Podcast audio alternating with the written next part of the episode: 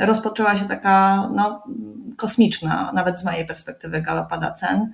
I, I to wszystko się złożyło w jednym czasie, czyli bardzo wysoka inflacja i podwyżki, jeśli chodzi o koszty utrzymania takiej nieruchomości, plus olbrzymi popyt i te ceny wzrosły powyżej 15%.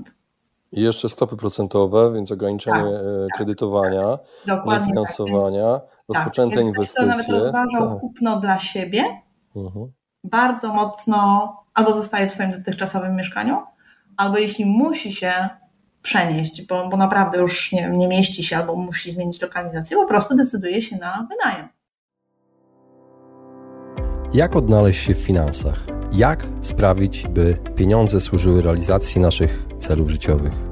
Na te oraz inne pytania odpowiadają goście podcastu Po ludzku o pieniądzach, którego partnerem jest General Investments TFISA i który mam zaszczyt prowadzić. Nazywam się Radosław Budnicki, na co dzień prowadzę podcast Lepiej Teraz i nie jestem internetowym guru zarabiania.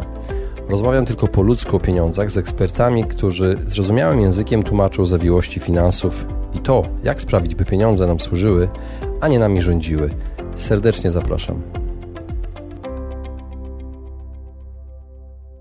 Witam Was serdecznie w kolejnym odcinku podcastu Po ludzku o pieniądzach. W poprzednim 159 odcinku podcastu ekspert kredytowy Santander Bank Polska Kamil Semczuk opowiadał o e, kredytach hipotecznych, e, kredytach w obecnym czasie, o tym, co się dzieje na rynku kredytów, jak go pozyskać, kto może go otrzymać, jakie trzeba spełnić warunki, czy warto, czy się opłaca. Bardzo wiele ciekawych rzeczy opowiedział Kamil w tym odcinku.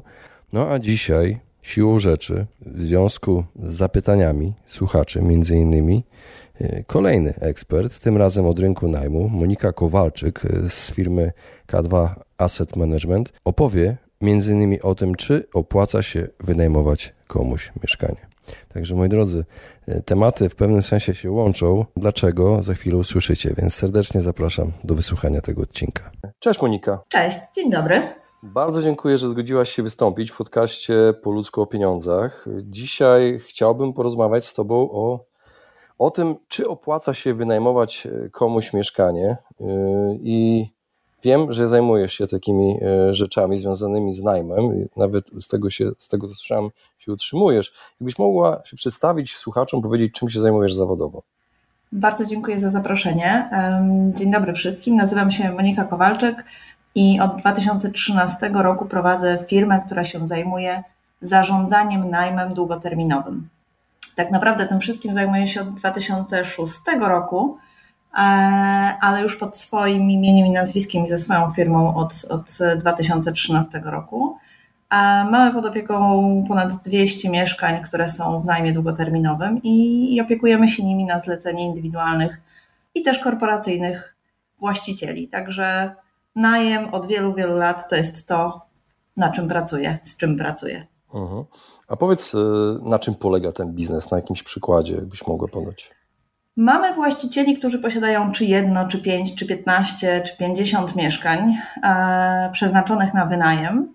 I ja mam firmę, która mm, ma opiekunów e, zajmujących się całym, całym zarządzaniem tym najmem, a łącznie z tym, że pomagamy znaleźć najemcę na lokal, który jest. Też jeśli są wymagane tam remonty, te remonty e, koordynujemy, nadzorujemy a w trakcie trwania najmu najemca nie ma nawet kontaktu do, do właściciela, tylko kontaktuje się z opiekunem dedykowanym do tego mieszkania.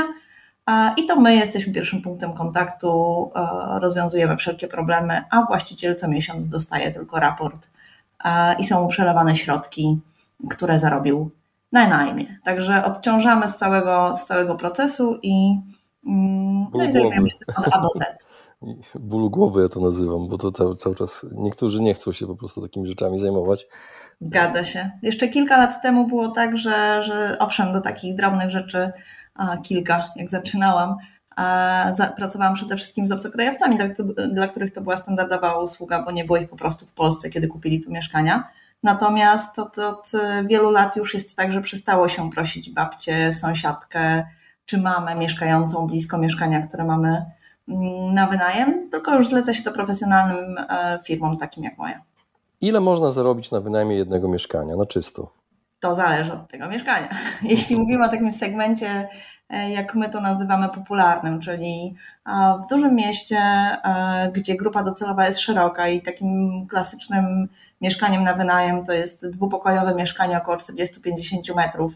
Mm, niekoniecznie w supernowym budownictwie, ale, ale nowożytnym, że tak powiem. Mhm. A przy aktualnych cenach, kiedy czynsz najmu to jest około 3000 zł, odjąć średnie koszty, raz na jakiś czas drobne naprawy, ubezpieczenie, średnio miesięcznie od dwóch do może czasami dwóch i pół tysiąca, to zależy jak, jak sama umowa najmu jest skonstruowana i co przerzucamy na najemcę. Mhm. To ile trzeba mieć takich mieszkań, żeby wyciągnąć z tego średnią krajową? Takie, żeby mieć stabilny tak dochód. Jak, tak jak powiedziałam, to zależy. Jeśli masz jedno mieszkanie premium, mhm. gdzie czynsz najmu jest na poziomie 7 tysięcy, to wystarczy ci jedno, nawet po kosztach. Wow. Natomiast jeśli masz takie, takie średnie mieszkania, tak jak mówię, z tej, z tej um, najbardziej popularnego segmentu, to dwa, trzy pozwalają ci zarobić uh, już powyżej uh, e, 5 tysięcy netto. Um, także całkiem przyjemny dochód, e, tylko trzeba go troszeczkę przemyśleć i się do tego, do tego przygotować. Czyli z wami bardziej pasywny się staje niż aktywny, rozumiem. Zgadza się. Bo, Dobrze, to w takim razie, ile trzeba zainwestować na początek? E, I rozumiem, że nie każdy ma takie środki na to, żeby kupić takie mieszkanie i żeby zarabiać na nim średnią krajową co miesiąc. E, czy w takim razie opłaca się w to wchodzić na kredyt? Ach, ulubiona odpowiedź prawników, ale też tutaj na rynku nieruchomości jest to ulubiona odpowiedź, bo to, to zależy. Zależy, jak, jakim kapitałem dysponujesz, czy jest to 10, 15, 50 tysięcy, czy, czy 100 tysięcy. E, i jaki masz budżet, e, jaką stopę zwrotu chcesz e, uzyskać. Rentowność przynajmniej długoterminowym waha się w okolicach 4,5-5 przy takim standardowym, bez, bez dużej maksymalizacji, po prostu zajmowaniu się tym najmem. A są też inne modele, jak kwatery pracownicze, pokoje studenckie, mikrokawalerki, gdzie te stopy zwrotu są wyższe, ale też Twoje zaangażowanie jest wyższe.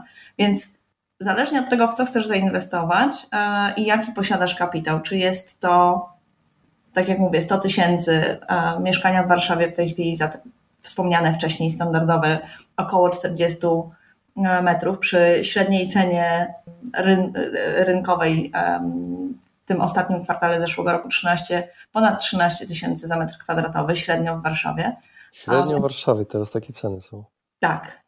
To jest średnia warszawska. Oczywiście pamiętajmy, że mamy lokale, które są sprzedawane za 40 tysięcy z metra i, i ciut poniżej 10, ale faktycznie znaleźć coś poniżej 10 tysięcy za metr kwadratowy w Warszawie w tej chwili to już jest challenge duży.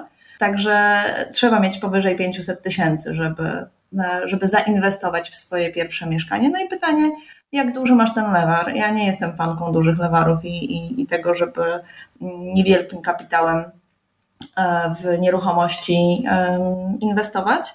E, dlatego też tak naprawdę powinnaś się wyjść od drugiej strony. Jaką stopę zwrotu chcesz i, i czy ta stopa zwrotu dla ciebie jest atrakcyjna kontra to, co, jakie masz oprocentowanie, prawda? Mhm. Jakbyś mogła wytłumaczyć słuchaczom, o co chodzi z tym lewarem? To znaczy proporcja Twoich środków własnych do, e, do tego, jak, jak dużo potrzebujesz e, środków e, z banku. Im ta proporcja jest na korzyść Twoich środków własnych, tym po prostu jesteś bezpieczniejszy. Twoje oprocentowanie. Ale mniejszy lewar jest, tak? Tak, tak, tak dokładnie, dokładnie okay, tak. Rozumiem. Czyli nie inwestujesz 10% w każdą nieruchomość, a 90% masz kredytowaną, tylko na przykład za każdym razem Twój udział własny to jest 30-40%, wtedy taki, mm, taka inwestycja jest bezpieczniejsza, bo też po prostu kapitał, który musisz zwrócić jest, jest mniejszy. Mhm. Ja muszę tak pilnować, bo prowadzę podcast po ludzku o pieniądzach, a y, często moi goście posługują się takim swoim zawodowym slangiem, tak jak ty, lewar, wiesz, nie, nie każdy w tym siedzi po prostu. Jasne, oczywiście. Mhm. Y, jak zmienił się rynek najmów w ostatnim czasie? Powiem co tak, było? pytanie, co mówimy, co, co wszyscy rozumiemy przez ostatni czas. Ja y, jestem na tym rynku już naprawdę wiele, wiele lat. Przeżyłam pierwszy kryzys y, i załamanie rynku w 2007 roku i 2008 i 2009, y, gdzie te ceny w porównaniu z tym, co, co jakby zakupu mające wpływ na rentowność najmu zmieniły się dramatycznie.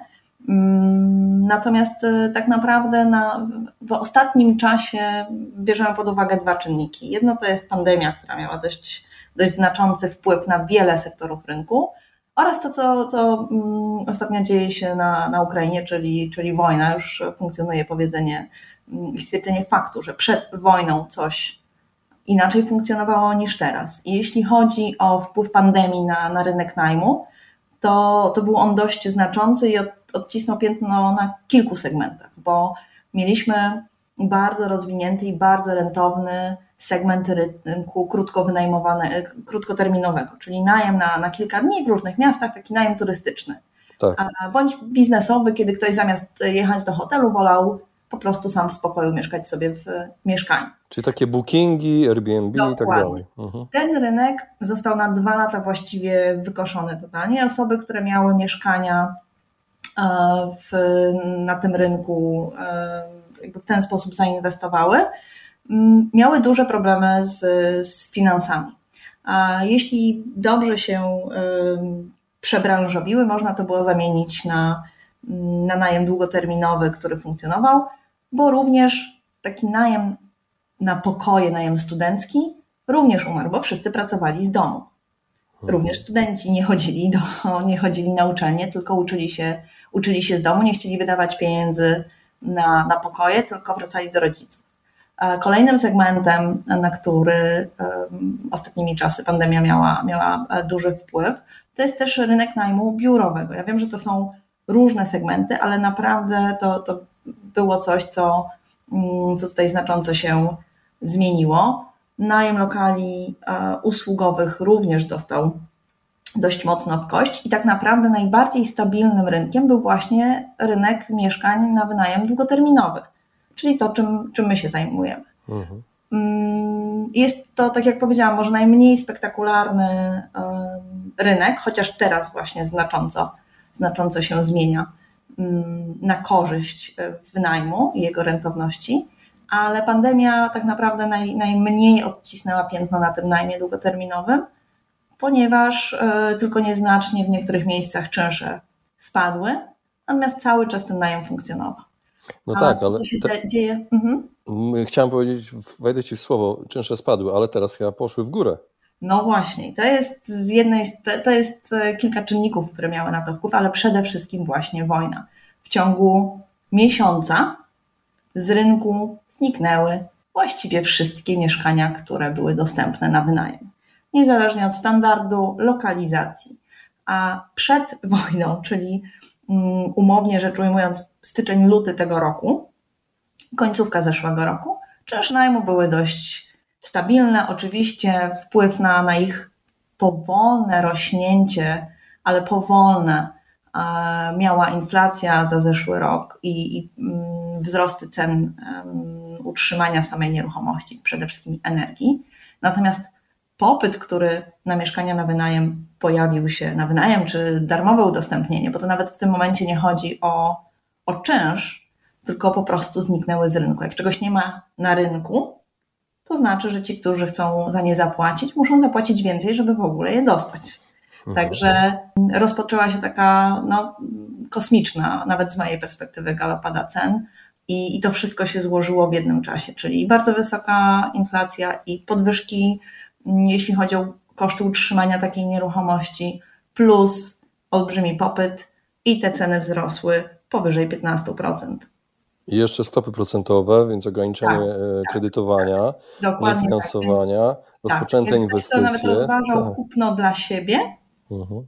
bardzo mocno albo zostaje w swoim dotychczasowym mieszkaniu, albo jeśli musi się przenieść, bo, bo naprawdę już nie, nie mieści się albo musi zmienić lokalizację, po prostu decyduje się na wynajem. No tak, ale nam przybyło chyba w ciągu miesiąca 2,5 miliona obywateli, więc to był to był tak, wpływ, to był tak, głównie wpływ tego tak, nasycenia to jest rynku. Coś, co się nie mieściło w głowie we wszystkich prognozach. E, mamy przecież tak. oczywiście też na naszym rynku jakby deficyt mieszkań, który jest nieustająco powtarzany, ale, ale ten deficyt według mnie wynika przede wszystkim z tego, że dużo mieszkań nie jest udostępnianych z obawy przed problemami z najmem. Natomiast e, to, co się wydarzyło przez wojnę i to, jak dużo ludzi po prostu do nas przybyło. To jest coś, co, co jeszcze prawda, nam się nie mieściło w głowie, nie miało prawa się Czarny wydarzyć. łabędź to się nazywa, czarny łabędź, jak u Nasima Taleba, czyli taka rzecz, która jest niespodziewana, która nagle zmienia w ogóle grę. No i ciekawą rzecz powiedziałaś przed chwilą, że jest dużo mieszkań niezamieszkałych, które nie są oferowane na rynku. Jak to jest? Idą ceny w górę, ludzie nie mogą znaleźć mieszkań na, na wynajem, a ty mówisz, że jest dużo mieszkań.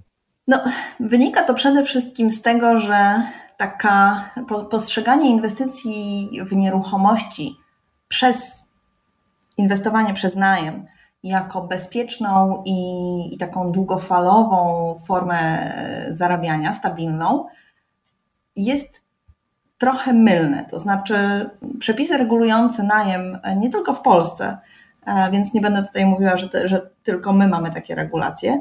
Natomiast przepisy regulujące najem i prawa lokatorów powodują, że ryzyko związane z inwestowaniem w nieruchomości na wynajem, nieruchomości na wynajem mieszkalny jest spore. I dużo osób, słysząc dramatyczne historie o okupantach, o koczownikach, którzy wprowadzają się do mieszkania, przestają płacić, wolą nie ryzykować. I wolą trzymać to mieszkanie, niech ono stoi, i nawet sami wolą ponosić koszty do, do wspólnoty czy do spółdzielni, ale ono stoi puste i czeka na ewentualnie właśnie sprzedaż, czy jako mieszkanie dla syna, córki na studia do mieszkania, żeby nie płacić za stację gdzieś. Także mm, bardzo duży jest ten segment, bo ta obawa jest bardzo duża. Mhm. Czyli kwestią to tak naprawdę jest kwestia prawna, zmiany prawa, tak żeby zabezpieczyć prawa właścicieli mieszkań bardziej. E, łatwość eksmisji podejrzewam, że tutaj wchodzi tak. w grę też ułatwienie eksmisji takich tak. osób, które bezprawnie zajmują mieszkanie. Tak, no tutaj I... mamy mhm. Mm, spór dwóch stron. Z jednej strony mm, prawa wynikającego z konstytucji wprost o, o tym, że każdy ma prawo do mieszkania, mhm. E, ale z drugiej strony utrzymywanie właśnie takiego koczownika, który powoduje, że twoja sytuacja życiowa się pogarsza. Nie jesteś spekulantem, masz mieszkanie mhm. po babci, nie, nie jesteś kimś, kto e, zarabia na, na cudzej krwawicy, tylko po prostu zostałeś oszukany, jest mocno, mocno nie w porządku. Tak, chodzi o prawo ochrony własności po prostu, tak, żeby wygrało. Dokładnie tak. Yy, Okej, okay. czy każde mieszkanie nadaje się pod wynajem, czy trzeba je jakoś specjalnie wybierać? Jak to jest? Każde się nadaje, o ile ma łazienkę. A kuchni może nie mieć już. Kuchni, kuchni tak naprawdę Na może mieście. nie mieć. Naprawdę. Ale mm, nadaje się każde, tylko trzeba pamiętać, że nie dla każdej grupy docelowej, bo to jest kryterium. Kto będzie Twoim najemcą?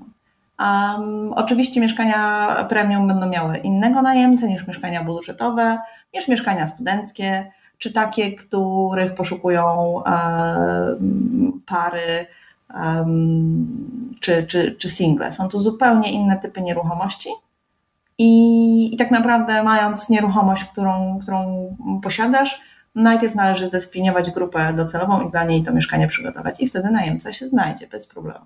I niezależnie, czy to jest ala PRL, tak? W stylu. Niezależnie. Dla każdego Oczywiście możesz sobie podnieść rentowność, czy skrócić, bo jakby, um, to, żeby lepiej zarabiać na najmie, jedno to jest kwestia finansowa, druga to jest to, jak szybko znajdziesz tego najemcę.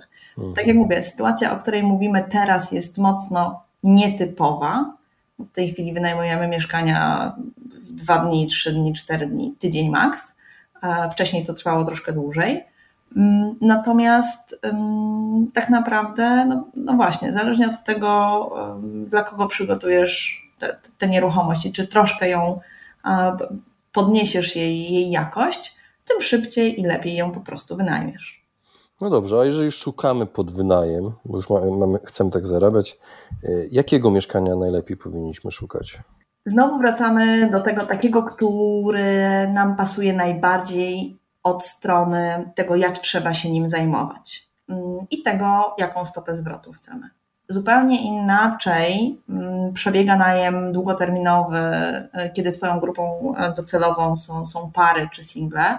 Zupełnie innego zaangażowania z Twojej strony jako inwestora wymaga mieszkanie, które jest mieszkaniem na pokoje, czy mieszkaniem właśnie dla studentów, a innego zaangażowania i innych kosztów mieszkanie mm, w klasie premium dla, dla premium e, najemców.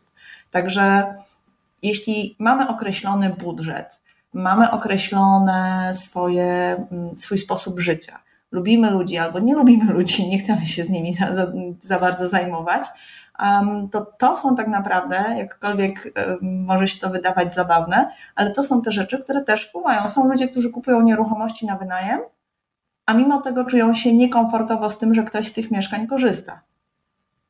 Albo że korzysta w swój sposób. Tak. Tak. Są tacy, Także... którzy non-stop kontrolują, wchodzą, przychodzą pod byle tak, pretekstem, tak, odbiór tak. poczty i tak dalej. Tak. Tylko... Najtrudniej jest z kolei z mojego podwórka, kiedy mamy pod opieką mieszkanie właściciela, który kiedyś w tym mieszkaniu mieszkał, ale zdecydował się na wynajem. Ojej. Tak. I mimo tego, że my jesteśmy i my doskonale wiemy, co robimy i, i też um, staramy się odciąć tego najemcę, i, znaczy te, tego właściciela, przepraszam, jego pompowinę od tego mieszkania, to jest to bardzo trudne, bo jest to jakby decyzja e, w głowie, czy, czy y, okej, okay, to już nie jest moje mieszkanie, w którym mieszkałem, z którym mam wspomnienia, tylko jest to po prostu inwestycja i trzeba na to inaczej spojrzeć. Więc um, jeśli szukamy mieszkania na wynajem, to naprawdę trzeba poświęcić chwilkę na to, żeby zastanowić się, ok, jak ja sobie ten najem wyobrażam, jak bardzo chcę być w niego zaangażowany, um, jaką chcę mieć rentowność i dopiero od tego wyjść, oczywiście plus jaki mam budżet, i od tego wyjść, um, jakie to mieszkanie być powinno, ale zawsze powinno być w dobrej, w dobrej lokalizacji dla naszej strategii. To w sumie odpowiedziałaś na moje kolejne pytanie, bo chciałem Ci zadać pytanie, czy mądrą decyzją jest trzymanie takiego mieszkania po babci, czyli wiadomo, w tym stylu też takie. Tak. Czy lepiej je sprzedać i kupić te specjalne takie pod wynajem? Tak naprawdę, tak jak powiedziałam, to zależy. Mieszkania po babci mają jedną fantastyczną zaletę. Zazwyczaj są świetnie zlokalizowane bo to są starsze budynki, a nowe budynki już nie, nie powstają w tak dobrze e, skomunikowanych lokalizacjach. Tak. tak. Oczywiście tworzą się nowe mm, osiedla, e, które też zyskują e, samą swoją własną renomę, prawda? Ale zazwyczaj te lokalizacje po babci, niezależnie od standardów w środku, one mm, mają bardzo dużo zalet. Więc nie, nie nastawiałabym się, że trzeba sprzedać mieszkanie po babci, żeby kupić specjalnie na wynajem. Trzeba po prostu mentalnie się troszeczkę odciąć od tego, że to jest mieszkanie po babci. Jeśli mamy do niego jakiś sentyment, to tego się pozbyć. Okej, okay, to teraz inne pytanie zadam Ci. E, mówiłaś, że jest dużo mieszkań, których ludzie nie oferują, one stoją puste, ale czy są teraz w Polsce takie mieszkania, które są oferowane, ale nikt ich nie wynajmie nawet za psi grosz. Od jakich mieszkań właśnie uciekają najemcy? Powiem tak, aktualnie właściwie takich nie ma, ale jeśli bierzemy pod uwagę taką w miarę stabilną, klasyczną sytuację, to tak naprawdę kryteria są dwa. Zła okolica, niebezpieczna okolica, mhm. a drugie to kiedy mieszkania są brudne i niesprawne technicznie. I to brudne nie mówię w kategoriach zakurzenia, tylko takiego wieloletniego brudu i zaniedbań. Tak. Także to są, to są głównie, głównie takie, mm, takie kryteria.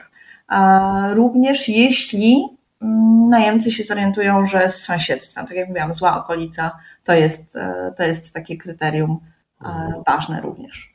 Kiedy spotykam się z Waszą branżą, mm, tych osób, które zajmują się e, najmem e, zawodowo, często słyszę takie określenie flip. Jakbyś mogła wytłumaczyć e, słuchaczom, na czym polegają flipy? Flip i flipowanie to jest określenie na bardzo prosty proceder. Spekulacje, czyli tanio kupić, drogo sprzedać. Okay. Obrócić bardzo szybko nieruchomością z dużym zyskiem. Jest to. Brzmi prosto. Brzmi, brzmi prosto i czasami bywa bardzo proste. Trzeba się po prostu troszeczkę nie bać, ale i, i mieć w sobie to przekonanie, że, że sprzedam drożej. Natomiast to jest. No właśnie, to jest działalność, którą dużo osób po drugiej stronie, czyli tych, które potem kupują mieszkanie po flipie mm, albo jako efekt flipa, mm, czują się niekomfortowo jak również czasami sprzedający czują się niekomfortowo, no bo zdecydowali się sprzedać za cenę X, a widzą swoje mieszkanie po miesiącu czy po dwóch wystawione za 100, 200, 300 tysięcy więcej czasami.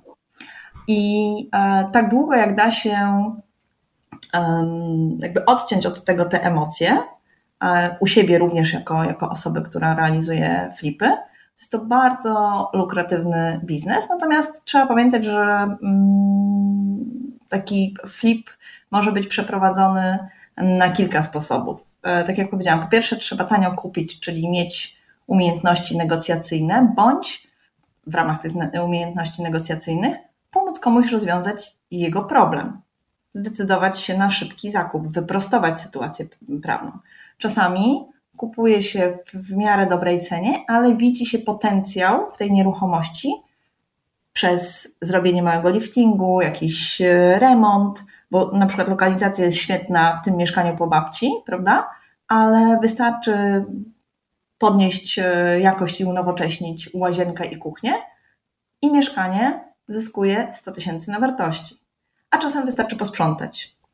I, Czyli i taki tuning, tuning mieszkań, taki jak z no, samochodami. dokładnie, taki tuning mieszkań, który, który powoduje, że mm, znacząco one, um, postrzeganie ich wartości jest większe i, i finalny nabywca jest w stanie i jest chętny zapłacić więcej niż ten, który to mieszkanie kupił. To mm, słowo robi zawrotną karierę, ale prawda jest taka, że dokładnie to samo funkcjonowało u nas wiele, wiele, wiele, wiele lat e, temu, jeszcze przed um, amerykańskimi serialami i, i, programami, w których e, takie, takie ładne spekulacje się pojawiły.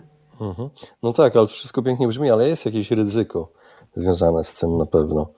A przy flipach, czy, mhm. czy przy flipach, przy flipach. Mm, oczywiście, że tak. Może być tak, że udaje Ci się wynegocjować e, bardzo dobrą cenę, ale nie zrobiłeś dobrego rozeznania od strony prawnej i okazuje się, że kupujesz e, coś z poważniejszym problemem, co oznacza, że wyprostowanie go zajmie więcej czasu niż zakładałeś, o ile w ogóle będzie możliwe. Mm, Czyli mieszkanie jest na przykład na kogoś zapisane, albo gdzieś albo tam. ma na przykład wpisane jest... dożywocie, którego ktoś albo nie zauważył, albo nie było ujawnione w księdze. Mm, jest kilka. Bo ktoś kilka jest w księdze, nie sprawdziło się. Ktoś tak. inny na przykład. Tak, tak. tak A to tak. akurat e, fliperzy z tym mają e, sporo do czynienia, bo sami nie zdążą być wpisani w księgę, kiedy już sprzedają dalej. Także to, to raczej um, tutaj z tym sobie radzą. Natomiast czasami jest tak, że mimo tego, że zakładają, że mieszkanie wymaga remontu, okazuje się, że ma ono pewne problemy techniczne, których nie przewidzieli, albo założyli, że remont będzie bardzo prosty i chcieli wymienić tę łazienkę i kuchnię, okazuje się, że są duże problemy z tym, żeby taką na przykład zgodę w spółdzielni uzyskać, bo, bo flipy na mieszkaniach spółdzielczych bywają trochę większym wyzwaniem, bo spółdzielnia to trochę ma, pa, państwo w państwie ma więcej do powiedzenia niż kiedy masz własnościowe mieszkanie. Dokładnie tak. Więc, mhm. E, więc tutaj może się okazać, że Twój pomysł e, na zarobienie dużych pieniędzy jest bardzo trudny albo niemożliwy do zrealizowania. Mhm. Czyli można się nadziać nieźle, kiedy się nie sprawdzi tego dokładnie. Tak. E, więc bywa. też jest ryzyko.